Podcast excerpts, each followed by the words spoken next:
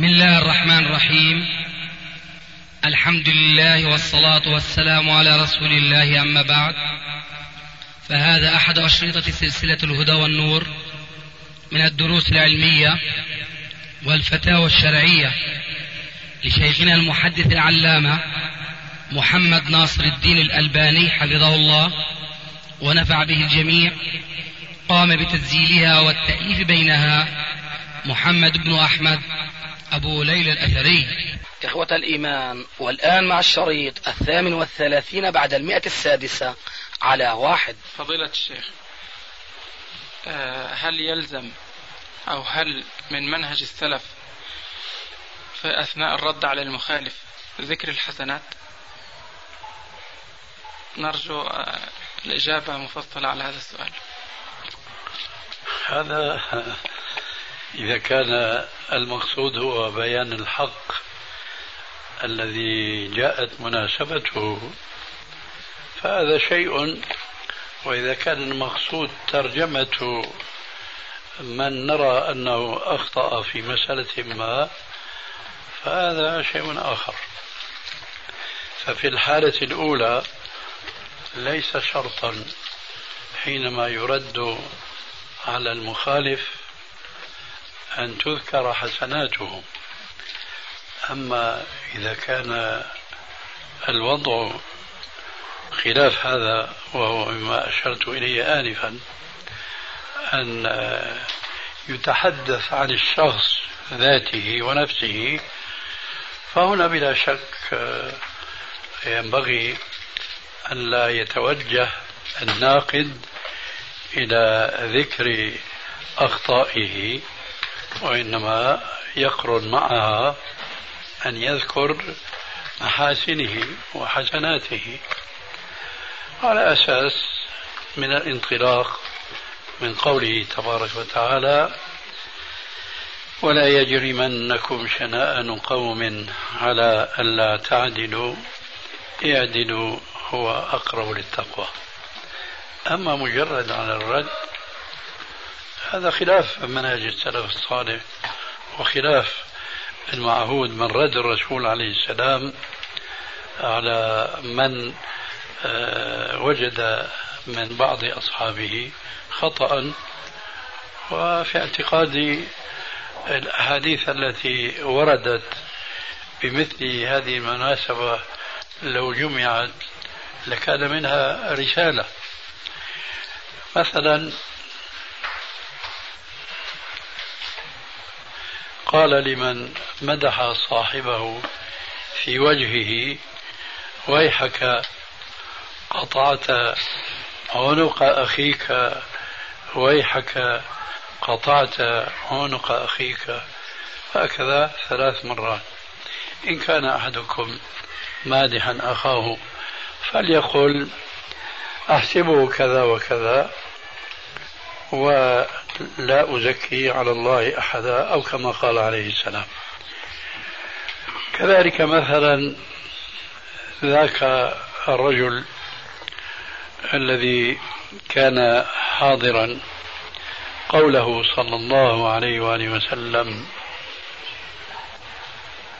أو خطبته أو موعظته فقال له ما شاء الله وشئت يا رسول الله. فانبرره الرسول عليه السلام بصيغة الاستفهام الاستنكاري أجعلتني لله ندا؟ قل ما شاء الله وحده فالأمثلة كثيرة وكثيرة جدا.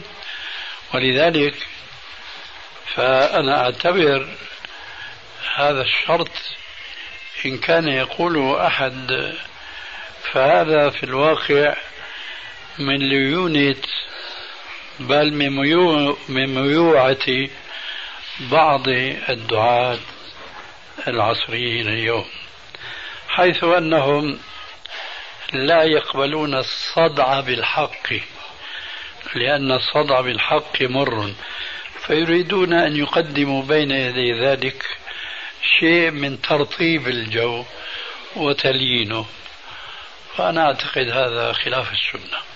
أساليب تخالف السنة في كثير من النواحي لكنها مخالفة كما نقول نحن في الشرك أنه ينقسم إلى أقسام منها شرك لفظي. مع أنه شرك فهو شرك لفظي لا يخرج عن الملة لكن هناك أيضا ألفاظ ليست من الشرك بسبيل لكنها أيضا ليست من السنة بسبيل. مثلا وأنا أعتقد أنه بعض إخواننا الدعاة السلفيين عقيدة لكنهم ليسوا سلفيين سلوكا ومنهجا لأن هذا السلوك يتطلب أمرين اثنين. الأمر الأول التوسع في معرفة حياة الرسول عليه السلام بعامة بتفاصيلها الكاملة. وثانيا الثبات على هذا الحق الذي ندين الله به وعدم مجاراة الناس على أساليبهم وعاداتهم. مثلا أول من عرفنا في مخاطبة الجماهير بكلمة يا أحبابنا فهن جماعة التبليغ.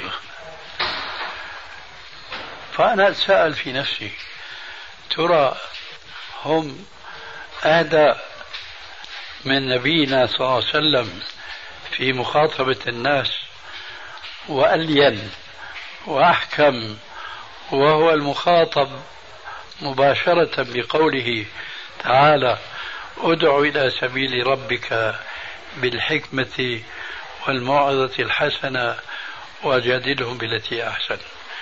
كم وكم من خطب الرسول عليه السلام لا نجد فيها مثل هذه الليونة يا يا أحبابنا. إيه وقد يوجد مثل هذه اللفظة ألفاظ أخرى قد لا أستحضرها الآن. أجد في بعض الأشرطة التي أسمعها من بعض الدعاة إلى التوحيد هم مثلنا في التوحيد لكنهم أيضا يستعملون ألفاظا ناعمة ناعمة. نحن نعرف أيها المسلمون هكذا الخطاب أو نحو ذلك مما آه، تواترت أو تكاثرت على الأقل النصوص في ذلك عن رسول الله صلى الله عليه وسلم. ولهذا نحن نلح دائما وأبدا أن يكون منهجنا وسلوكنا على ما كان عليه سلفنا الصالح الذين كانوا يصدعون بالحق ولا تأخذهم في الله لومة لائم ومع ذلك فما كانوا أشداء على المخالفين ولا كانوا إلا مقتدين بسنة رسول الله صلى الله عليه وسلم الذي خاطبه ربنا عز وجل في القرآن الكريم بقوله تعالى ولو كنت فظا غليظ القلب لانفضوا من حولك. فأصحابه لا شك أن لهم الحظ الأكبر في الاقتداء بالرسول صلى الله عليه وسلم في كل شيء ومن ذلك أنه لم يكن غليظا في مخاطبة الناس. وهنا شيء أيضا لابد من أن أعرج إليه. إن تلين مخاطبة الناس آه، على خلاف هذا المنهج النبوي والسلفي. فهناك شيء أبعد عن الصواب حيث يتوهمون بعضهم على الأقل أن استعمال الشدة لا يجوز إطلاقا. وهذا خطأ لأن النبي صلى الله عليه وسلم الذي ذكرنا شيئا من صفاته عليه السلام ومن وصف الله إياه بالحكمة كان يستعمل الشدة أحيانا.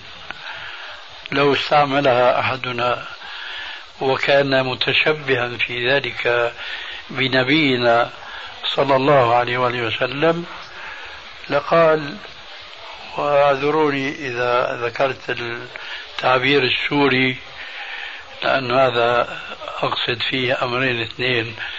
لهجة سورية غير مهضومة لكن المقصود منها مفهوم. بيقول الجاهل منهم لما واحد بينصحه بيقول له شو الشدة يا رسول الله؟ رسول الله لا يشتد إلا إيش؟ محل الشدة التي تكون الحكمة هناك. وأذكر بهذه المناسبة قوله عليه السلام الصريح من تعزى بعزى الجاهلية فأعضوه بهني أبيه أعضوه بهني أبيه لو استعمل أحدنا مثل هذا لو شدد عليه النكير وهم لا يعلمون أن هذا إسلام أن هذا هو أسلوب الرسول عليه السلام. إذا الحكمة كما هو معروف عند العلماء جميعا وضع الشيء في محله. فاللين واللطف في محله هو الشرع. ولكن ليس كذلك حينما يتطلب الأمر الشدة والغلظة كما جاء أيضا في شمائل الرسول عليه السلام من حديث عائشة رضي الله تعالى عنها أنها كانت تقول ساعدونا بذكر الحديث الذي فيه إلا أن تنتهك حرمات الله.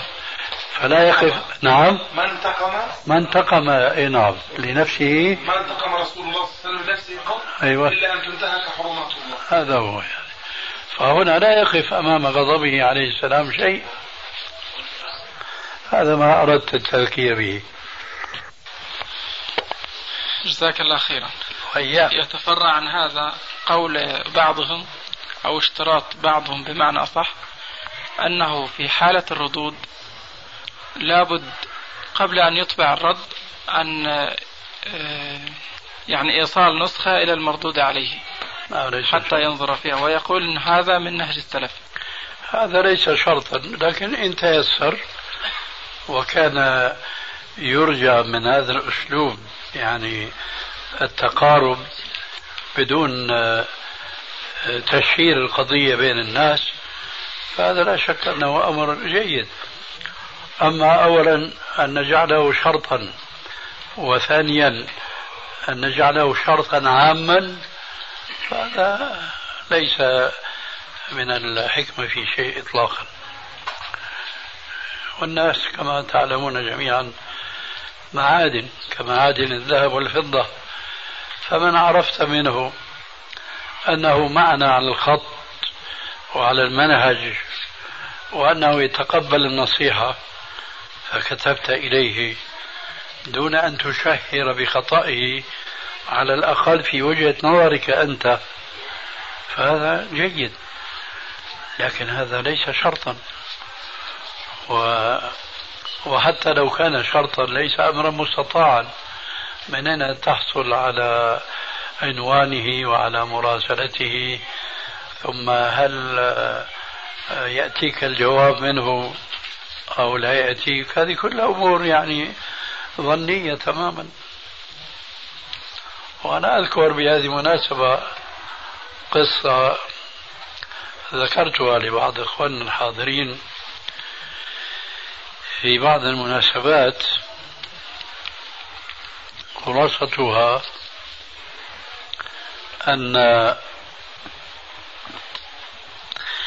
الشيخ تقي الدين نباني مؤسس حزب التحرير الإسلامي المعروف حتى اليوم آه، لم يكن قط جاء في زمني إلى دمشق إلى عهد قريب قبل خروجي من دمشق. فجاء وأخبرت الخبر فزرته وعرفت مخططه ومنهجه ولست الآن في صدد الإطالة في هذا. إنما الشاهد أنه مضى على تعرفي بالشيخ هذا أولا وبمنهجه ومنهج حزبه ثانيا.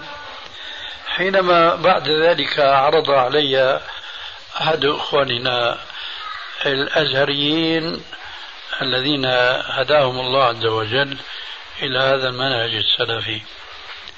فقدم إلي نشرة أصدرها حزب التحرير آه، موضوعها تحريم إيجار الأرض. وهذا من يعني من منهجهم ودعوتهم. فقرأت المقال وعرفت يعني أنهم يتبنون آه، هذه المسألة لمنهج سياسي عندهم وليس لأن الأدلة الشرعية هي التي أوصلتهم إلى هذه النتيجة. فسألني صاحبي شو رأيك فأخبرته بما عندي أن هذا كلام غير صحيح. إذا ما جمعت الأدلة الواردة بخصوص هذه المسألة ففيها تفصيل. يجوز إيجار الأرض لكن بغير شروط قد يترتب من ورائها مخاصمة بين المؤجر والمستأجر قال شو رأيك ترد عليهم. هنا الشاهد الآن. قلت والله أنا ما أنشط للرد على هؤلاء لأني أعتقد أن هؤلاء لا يفيد معهم الكلام لأنه الحزب الواحد منهم لا يستطيع أن يبدي رأيه مخالفا لرأي الحزب وإن فعل فصل طرد عن الحزب فما في عندهم الروح العلمية التي تسمح لكل فرد ولو كان على شيء من العلم أن يبدي رأيه. قد يسمحون بإبداء الرأي لكن لا يسمحون بالتبني لأن التبني عندهم لما يتبناه رئيس الحزب هو ك... كالخليفة. الخليفة الذي يحكم المسلمين جميعا إذا تبنى رأيا هم يقررون أيضا هذا أنه لا يجوز للمسلم مهما كان عالما إلا أن يتبنى ذلك الرأي. هذا خطأ بلا شك وهذا أيضا له بحث آخر. لكن الخطأ تضخم عندهم حينما أعطوا هذه الصفة نقلوها من الحاكم آه، للمسلمين جميعا وهو الخليفة إلى رئيس آه، حزب فلا يجوز لأحد من المنتمين إلى حزب إلى هذا الحزب أن يتبنى خلاف ما تبناه. فقلت فماذا يفيد الرد عليهم؟ فما زال بي يحثني ويزين لي الرد إنه هناك أنا هو يقول عن نفسه تعرفون الرجل أبو إيش فواز الصالح أبو إيش؟ المقصود فاستجبت له وكتبت رد وضممت في الرد أيضا مقالا يومئذ كنت قرأت في مجلة المسلمون التي كان يصدرها يومئذ الشيخ مصطفى السباعي رحمه الله. لكاتب باكستاني أو هندي طبعا مسلم. فشملت المقالين ورديت عليهما. وبيقولوا عنا بالشام راحت أيام وإجت أيام وانطوت السنون وأنا لا أدري شو موقف الحزب من هذا الرد.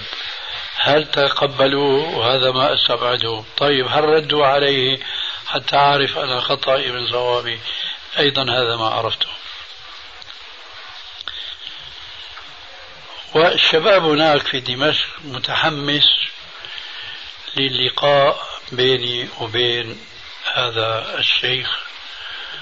من أجل يعرفوا يعني الصواب لأنه كما تعلمون في كل مكان بيحتاروا بعض الناس إنه يا ترى هذا معه الصواب ولا هذا؟ وأنا دائما أقول أنا مستعد أجتمع مع أي إنسان كان وأنا بشبه حالي من حيث الاستفادة كالمنشار الطالع الناجل فإن التقيت مع من هو أفقه مني استفدت منه لا ممن هو دوني أفدته فأنا أيضا مستفيد على كل حال. وهذا ما عرضوه على الشيخ تقي حينما جاء فيما بعد. وكان العرض من آه، أخونا أبو حمدي الجزائري تعرفه؟ نعم. أخوه أصغر منه سنا اسمه عبد الرحمن. كان يحضر دروسي كثيرا وما نعده إلا منا وفينا ولكن عرفت فيما بعد أنه يحضر حلقات الشيخ تقي الدين وطبعا نحن يعني ما نحذر من ذلك لأننا نعتقد بقول من قال وبضدها تتبين الأشياء. فلما عرفت أنه يحضر قلت له إذا حضر الشيخ فأنا أطلب موعدا منه. وفعلا قدم إليه طلبي فاعتذر بأنه ليس عنده وقت. فأنا رفضت هذا الاعتذار. وقلت أنا أعرف من الشيخ تقي الدين من أخباره أنه نشيط في الدعوة جدا. قد يكون مثلي وقد يكون فوقي أو دوني. المهم أنه نشيط. وأنه يجتمع حتى مع عامة الناس في سبيل دعوتهم إلى آه، حزبيته. فما باله يعتذر عن لقاء إنسان أقل ما يقال فيه إنه طالب علم. فأرجو أن تبلغ ردي لعذره أو اعتذاره. فرجع الجواب أنه هو في مناسبة أخرى إن شاء الله سيلقاني ويقنعني بأنه ليس عنده يعني وقت. أيضا راحت أيام وجاءت أيام. فوجئت به وأنا في محلي. تصليح الساعات.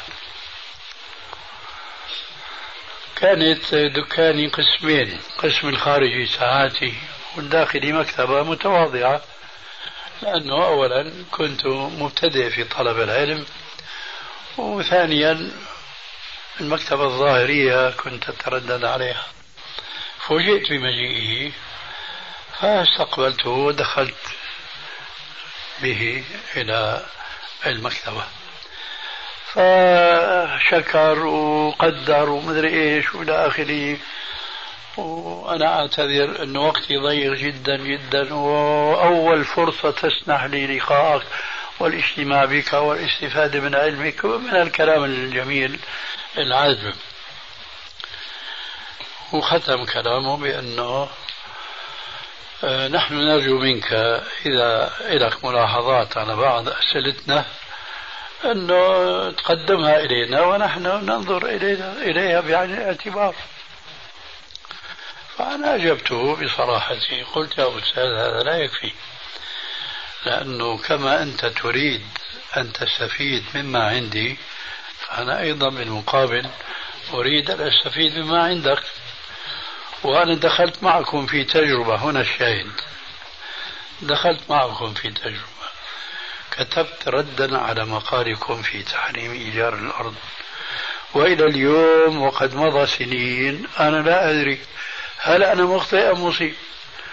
فأنت استفدت ولا شك والفائدة قد تكون أنك تأكدت من صوابك ومن خطأي أنا. أو العكس لكن لو كان العكس كنت أنا كمان بتأكدني في صوابي. تبعت لي الرد يعني.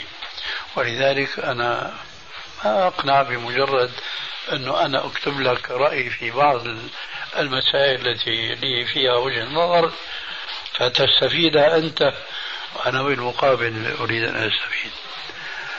فما أطال الحديث معي. قال أنا كل حال أعتذر وقتي ضيق وأول فرصة تسنح لي أنا أسارع إلى لقائك هذا معنى كلامي.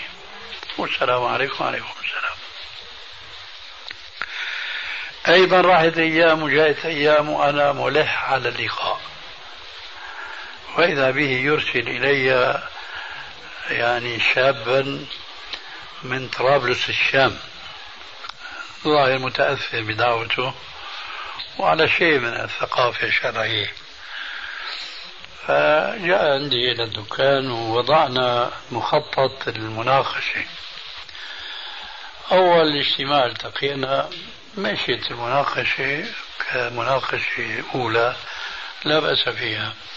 توعدنا على موعد ثاني ما جاء الرجل. مين اللي وصله لعندي؟ عبد الرحمن الجزائري. ما اجى حسب الموعد راحت أيام ما اجى شو الخبر؟ قال والله المخابرات لحقته ولذلك هو رجع إدراجه إلى طرابلس خير إن شاء الله. أيضا راحت أيام وإذ أخونا محمود الصنبولي تعرفوه؟ أنتم تعرفوه؟ هذا كان من إخواننا السلفيين هناك الملازمين دروسنا على خلق يعني فيه. المهم ذات يوم وأنا في الدكان رن تلفون الجرس السلام عليكم وعليكم السلام. حضر حالك. خير إن شاء الله. قال دبرنا لك اجتماع مع الشيخ تقي الدين. كيف؟ كيف؟ قال في له إمام مسجد هناك فوق بحارة الأكراد.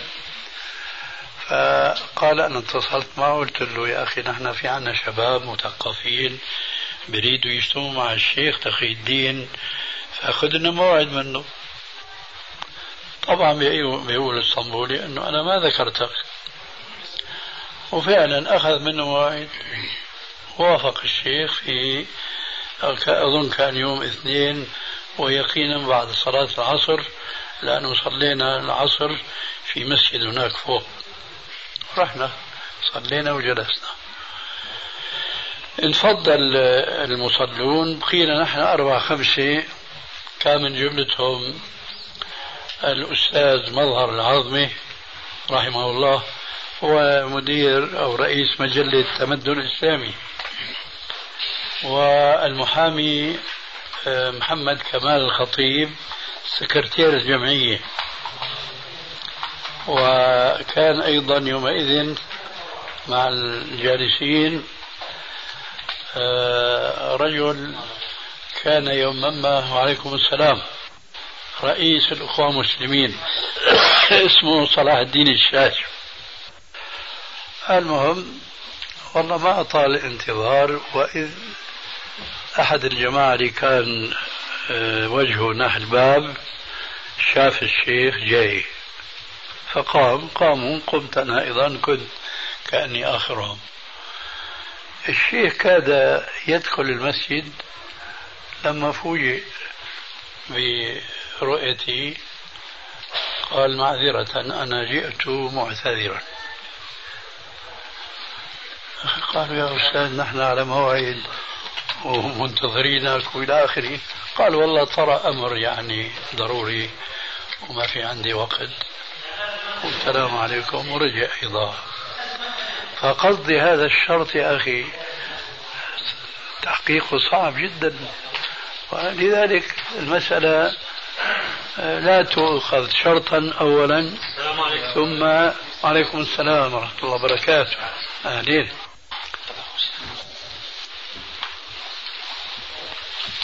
والله يا شيخ بس نوصل هالمسجل الله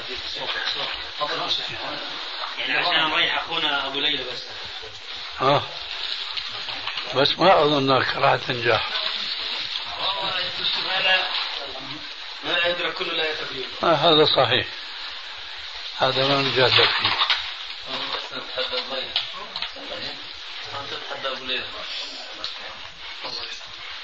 فضيلة الشيخ بالنسبة كان إلى يوم القيامة إلا وأخبرهم به فأحد الإخوة يعني يقول حيرني هذا الحديث وبحثت عنه كثيرا فلم أجد خطبة للنبي صلى الله عليه وسلم بهذا الطول وسأل كثيرا من أهل العلم فما ظفر بإجابة. ثم رآكم في المنام وسألكم فدللتموه على جزء وصفحة في مسند الإمام أحمد. ثم رجع إلى المسند فلم يجد الحديث. أيوه. فهو حملني يعني أمانة إيصالكم السؤال ومن ثم أخذ الجواب وتبليغه إياه. فما هو الجواب؟ بارك الله فيكم. والله ما أظن في عندي شيء يعني يمكن أن يقال كما قلت آنفا ولعل ذلك كان قبل مجيئكم مما فتح علي. فليس عندي شيء من هذا القبيل.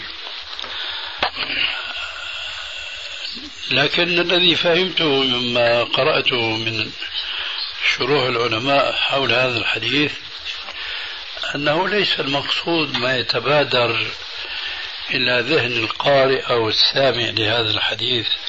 لأول وهلة. أي ما من كبير أو صغير مما سيقع إلا والنبي صلى الله عليه وسلم قد آه، حدث به أصحابه. أظن مرة كان جرى نقاش بيني وبين أحد الصوفية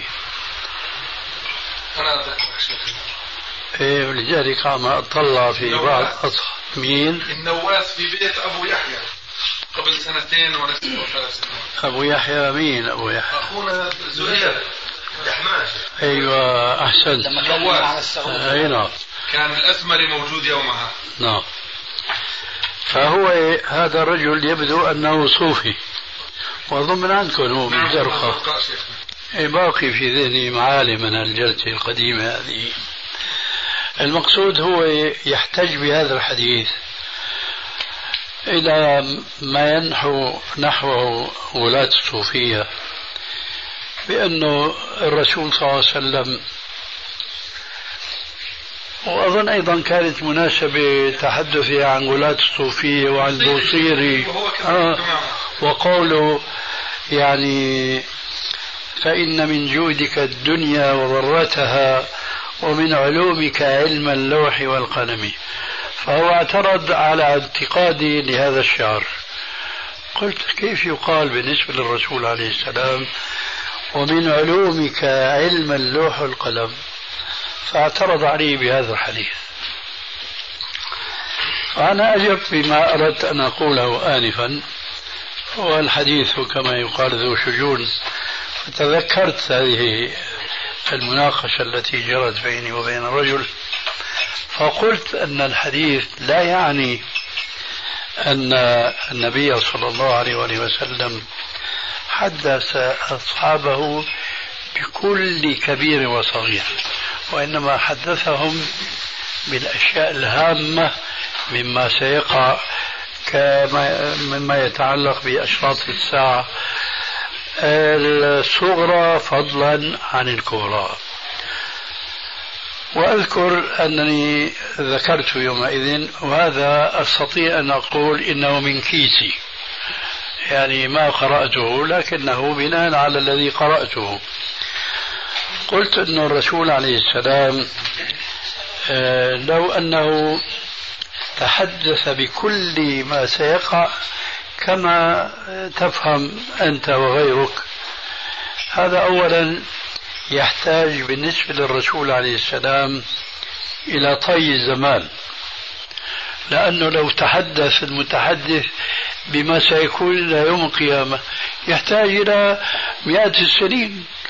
لأنه يتحدث بما قدر الله عز وجل بما سيكون. هذا يكاد يكون أمرا مستحيلا. ثم إن فرضنا هذا الأمر المستحيل بالنسبة للرسول كمعجزة لكن بالنسبة للصحابة وين هذا العقل وهذه الحافظة وهذا الوقت اللي باستطاعة البشر وهم بشر؟ أنه يستوعبوا كل هذه الأخبار الطويلة اللي لو قلنا إنها بالألوف بل بالملايين ما نكون من المبالغين. لذلك أقول أن الحق ما ذكره العلماء الشراح أن ليس المقصود إلا الأمور العظام التي تحدث عنها الرسول عليه السلام. ثم ليس من الضروري أن يكون هذا الذي تحدث به وفي حدود بشريته هو عليه الصلاة والسلام من جهة وفي حدود بشرية المستمعين له واللاقطين والحافظين لحديثه من جهة أخرى. هؤلاء ليس من الضروري أن يحدثوا بكل ما حدث الرسول عليه السلام في المرحلة الأولى والثانية ويسوقوها مساقا واحدا سياقا واحدا كبعض القصص الطويلة مثلا موجودة في الصحيحين وفي غيرها مثل قصة الإفك مع آه، قصة عائشة رضي الله عنها صفحات آه، غزوة الحديبية كذلك وهكذا ليس من الضروري. أنا أعتقد أن الصحابة وهذا أيضا ينقلني إلى قضية مهمة جدا. وأيضا الشيء بالشيء يذكر. كما أننا لا نتصور أن صحابيا واحدا أحاط بسنة النبي صلى الله عليه وسلم كلها علما كذلك لا ينبغي أن نتصور أن صحابيا واحدا أحاط بحديث الرسول عليه السلام في هذه المراحل التي جاء ذكرها في الحديث من ألفها إلى يائها. لكننا كما نقول بالنسبة للأمر الأول الأمر الأول نقول لا نتصور أن صحابيا واحدا حفظ سنة النبي صلى الله عليه وسلم من أولها إلى آخرها. لكننا نقطع ونجزم أن هذه السنة من أولها إلى آخرها أحاط بها علما مجموع أصحاب الرسول عليه السلام وليس واحد أو أحدا منهم. على النحو من هذا ليس من الضروري أنه يقصن صحابي واحد ما تحدث به الرسول عليه السلام في تلك المقامات في ذلك اليوم. ولذلك أنا أذكر أنه في بعض الروايات حفظه من حفظه ونسيه من نسيه. تذكر هذا أظن. آه.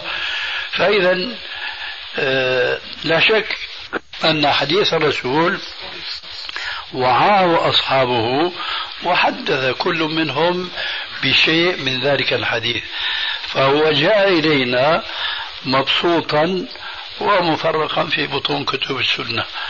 وهذا ينقلنا إلى ضرورة جمع السنة وتصفيتها على خلاف هذا المنهج الجديد المبتدع الذي حدثتنا نقلا عن بعضهم هناك فهذا معناه تجميد السنة على صحيحها وضعيفها وموضوعها دون أي تمييز بين الصحيح وبين الضعيف وهذا لا يقوله مسلم إطلاقا.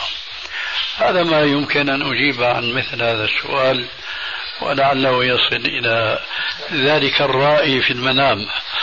ولعله كان أضغاث أحلام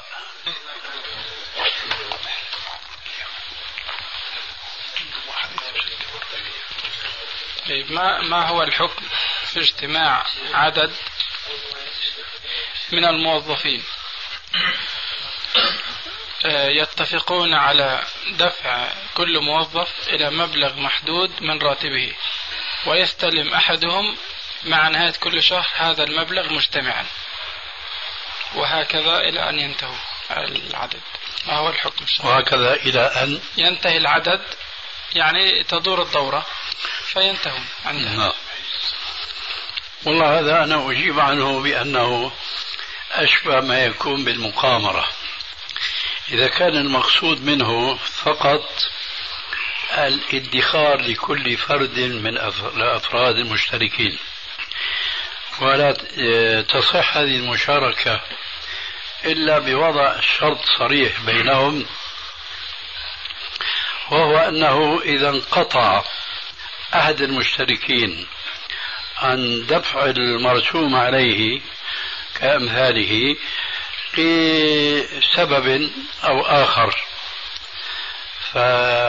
فيسامح ولا يعني يبقى في ذمته دينا ومدينا لهم في هذه الحالة يكون من باب التعاون على البر والتقوى. أما إذا كان المقصود فقط هو الادخار فهذا يعترض سبيله شيء من المخاطرة. كأن يسافر مثلا المشترك الذي دفع مثلا آه، في الشهر الأول. نفترض إذا كانت الأسهم كل واحد بيدفع 100 دينار أو 100 ريال. دفع ال 100 ريال. في آخر الشهر طلع لأحدهم أن يأخذ مثلا عشرة آلاف أو أكثر أو أقل على حسب الاتفاق.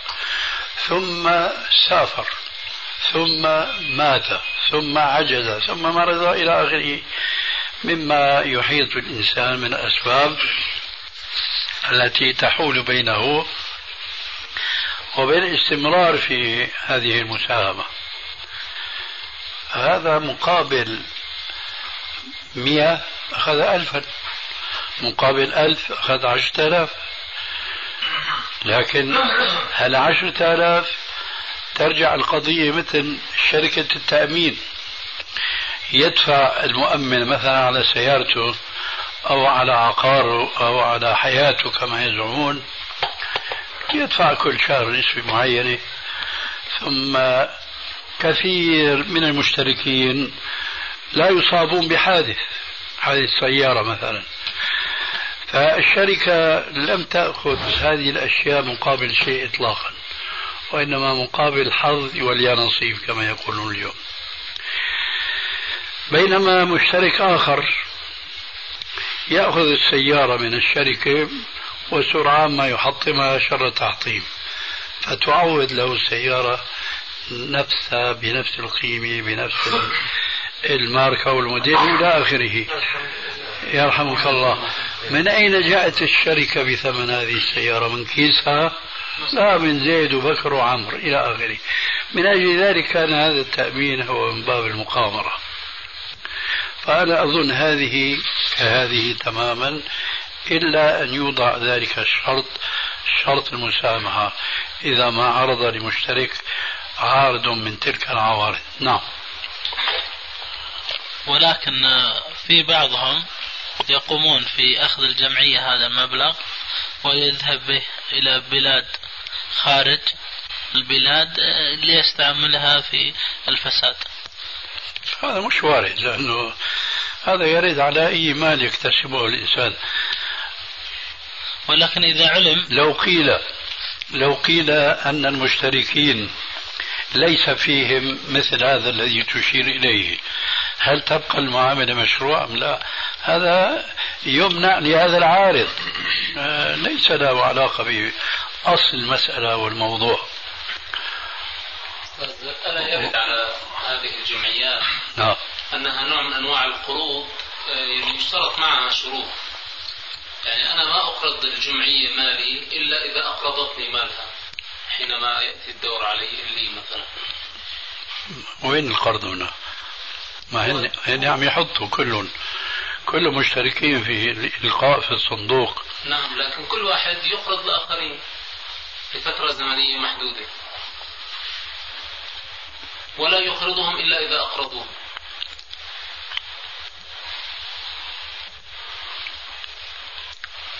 مش ظاهرة الصورة هاي.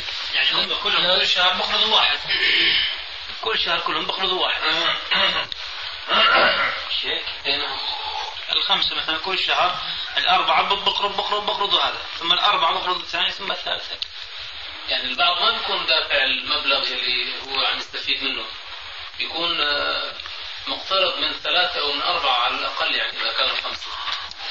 هذا كلامك صحيح. فيما لم يكن هناك مبادلة. يعني أنا أقرضتك مية ورجعت أنت أقرضتني مية. ما في هنا ربا. الربا ما بتحصل إلا بالطريقة التي ذكرتها آنفا مما يعرض للمشترك أن يمتنع. أما أنا أقرضتك مية ورجعت أنت أقرضتني مية بمناسبة أخرى. يعني هنا في شرط أستاذ آه. يعني أنا ما أقرضك إلا بشرط أن تقرضني. إلزام يعني أي نعم. هي قانون الجمعية. يعني. أكثر ولا أقل؟ نفس المبلغ نفس المبلغ. إيه ما أظن فيها شيء هذا.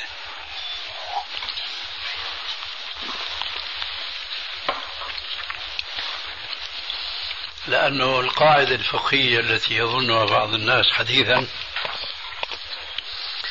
ولا يصح وهو قولهم كل قرض جر نفعا فهو ربا. المقصود بالنفع هنا زيادة على المقروض من المال. مية مية وخمسة مية وعشرة إلى آخره. أما هنا ما في زيادة.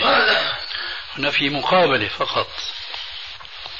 مقابلة المعروف المعروف وهذا غير مستنكر لما تعلمون من آه، قوله عليه السلام كما في صحيح البخاري في قصة الجمل الذي كان النبي صلى الله عليه وسلم استقرضه من أعرابي فجاء يطالب به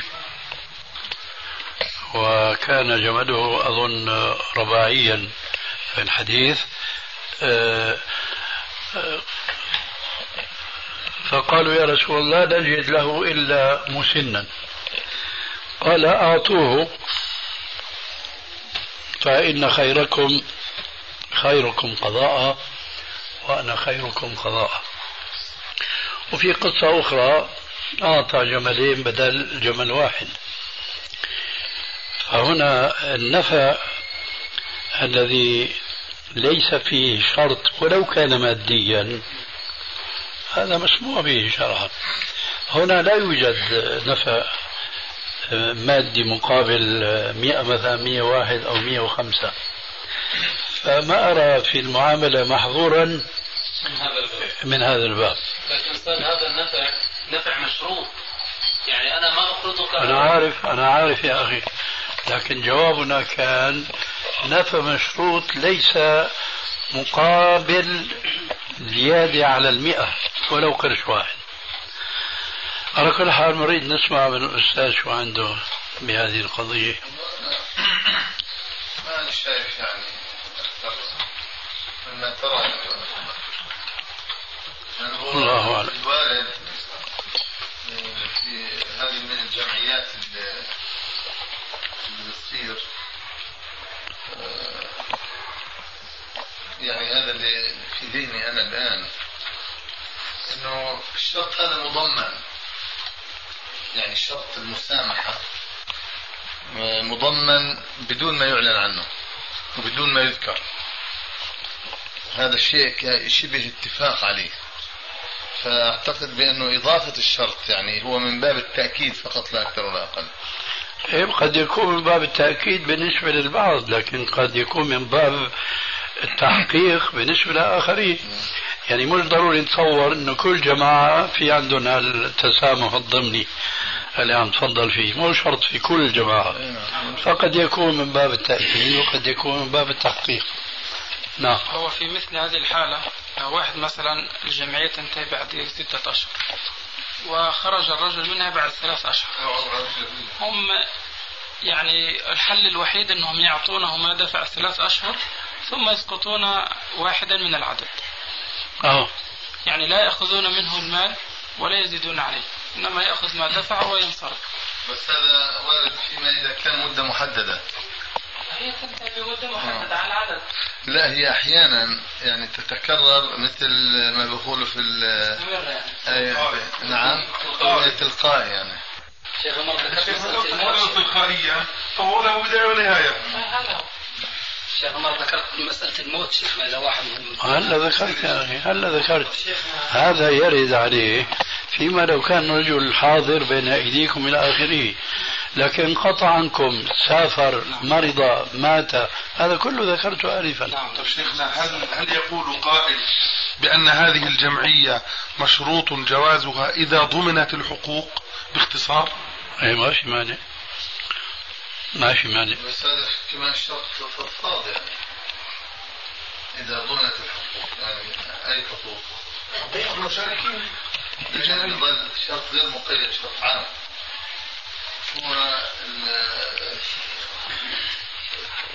لابد من وضع المسامحة في الموضوع. نعم. في بعض الظروف لابد من لابد هذا. هذا،. أي نعم.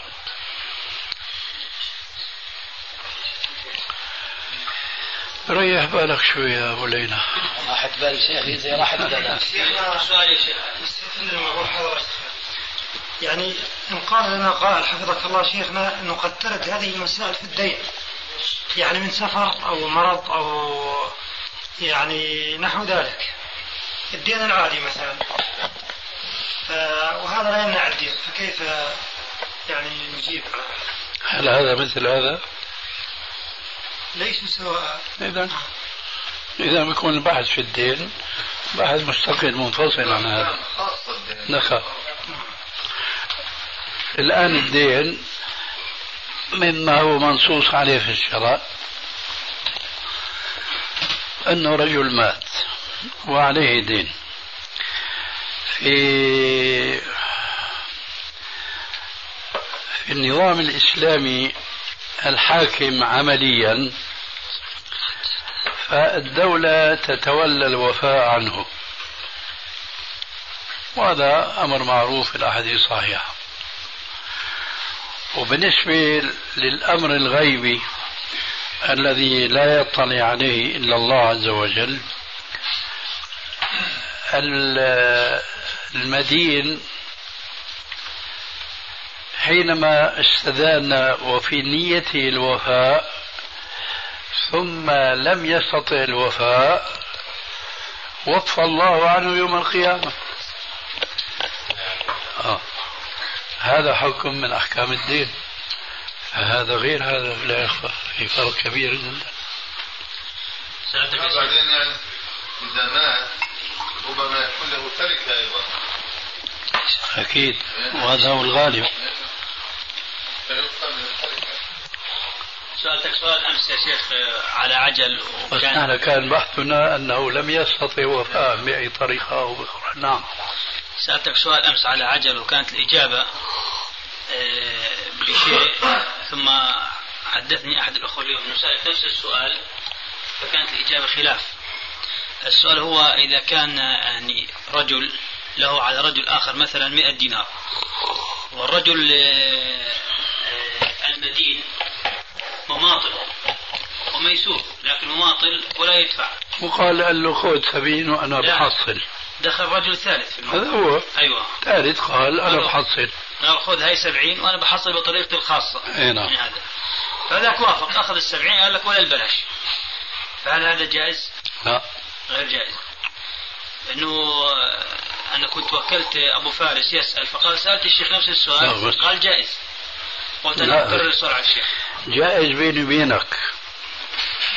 أما الوسيط يستغل الربح الزايد مقابل الدفع الناقص هذا ما يجوز. بمعنى أنا مثلا استأذنت منك 100 دينار. نعم. وأماطلك من عليكم السلام ورحمة الله وبركاته. من مماطلتي إياك أنت مللت. فعرضت علي. يا أخي أنا بسامحك بالمية خمسة عشرة إلى آخره بس خلصني. فأعطيتك اللي أنت رضيت به. هذا وقع في الحديث الصحيح. أما يجي وسيط بيني وبينك ويشتري الدين من عندي بأقل من قيمته هذا لا يجوز. واضح؟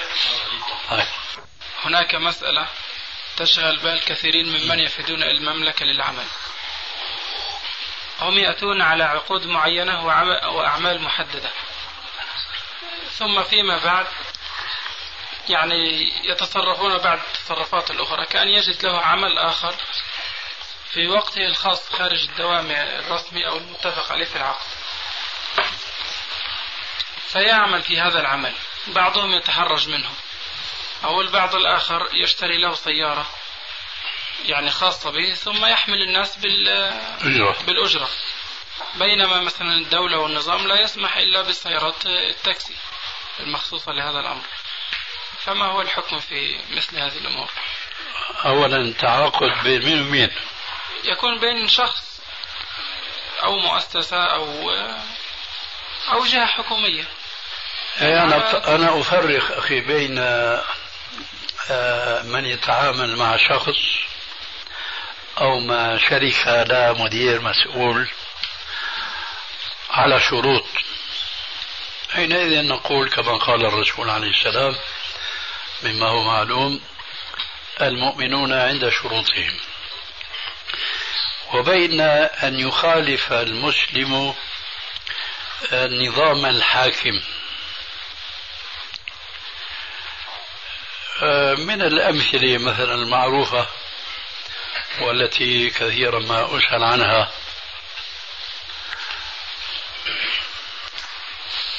الغرباء لا يسمح لهم بالحج إلا كل خمس سنوات مثلا. نعم. فكثيرا ما سئلت هل يجوز لي أن أجاوز الميقات بغير إحرام أقول أنا بداهة لأني ماني أعرف شو قاصد بقول لا ما بيجوز. واحد سهي نسي إيه ربنا لا تؤاخذنا نسينا وأخطأنا. مع ذلك بيتدارك وبيرجع. أما عمدا هذا ما يجوز. قال بس ما بيسمحوا لنا هون بقى بينكشف الغطاء وبنعرف السبب الحامل على مثل ذلك السؤال الغريب. قال ما بيسمحوا لنا مجرد ما يشوفونا محرمين هات نشوف هويتك كذا جوازك. آه يا بيكتشفوا أنه غريب أو مختوم أنه كان حاجج بيرجعوه فأنا أفتيت بشرط سأذكره أنه يجوز لك يا أخي أن تتجاوز هذا المكان اللي فيه هذا الفحص وهذه الدقة لأنه مكان الإحرام ما هو محصور بمتر أو مترين أو خمسة أو عشر أمتار مكان واسع. موسع آه. فقلت هذا هو المخرج فأنت تدخل الميقات وتتجاوز التفتيش بدون إحرام. ثم بتلبس إحرامك وبتتابع طريقك هكذا أفتيت بعدين نبهت أن هذا ما بيمشي الحال لأنهم يفتشون حتى عند الحرم. إلى باب الحرم. ها؟ إلى باب الحرم. إلى باب الحرم. لكن الشاهد لو فرضنا كان الأمر هكذا ولهذه الصورة آه، صور كثيرة وعديدة جدا.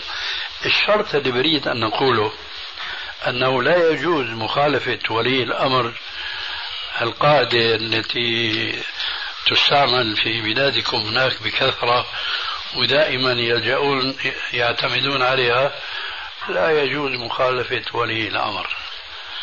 أنا أقول هذا كلام صحيح بشرط وهو إذا كان ولي الأمر أصدر أمرا ما ليس فيه مخالفة لكتاب الله أو سنة رسول الله صلى الله عليه وسلم صراحة وإنما في ذلك مراعاة لمصلحة تتعلق بالمسلمين وهذا لا يكون إلا بأن يكون هناك مجلس شورى. فيه من مختلف الاختصاصات في كل العلوم أولها فقه الكتاب والسنة. حينما يكون مثل هذا مجلس مجلس شورى بأوسع معاني الشورى قائما في دولة ما ثم يصدر من هذا المجلس نظام سميه قانونا أو أي شيء ويفرض على المسلمين حينئذ نحن نقول يجب إطاعة ولي الأمر. إخوة الإيمان تتمة الكلام في الشريط التالي. أما إذا كان ولي الأمر لا يراعي حق الشورى ونظام الشورى بكل تفاصيلها قد يستشير ولي الأمر من لا دين له من لا فقه عنده وقد يستشير من ينظر إلى المسألة من الناحية معينة.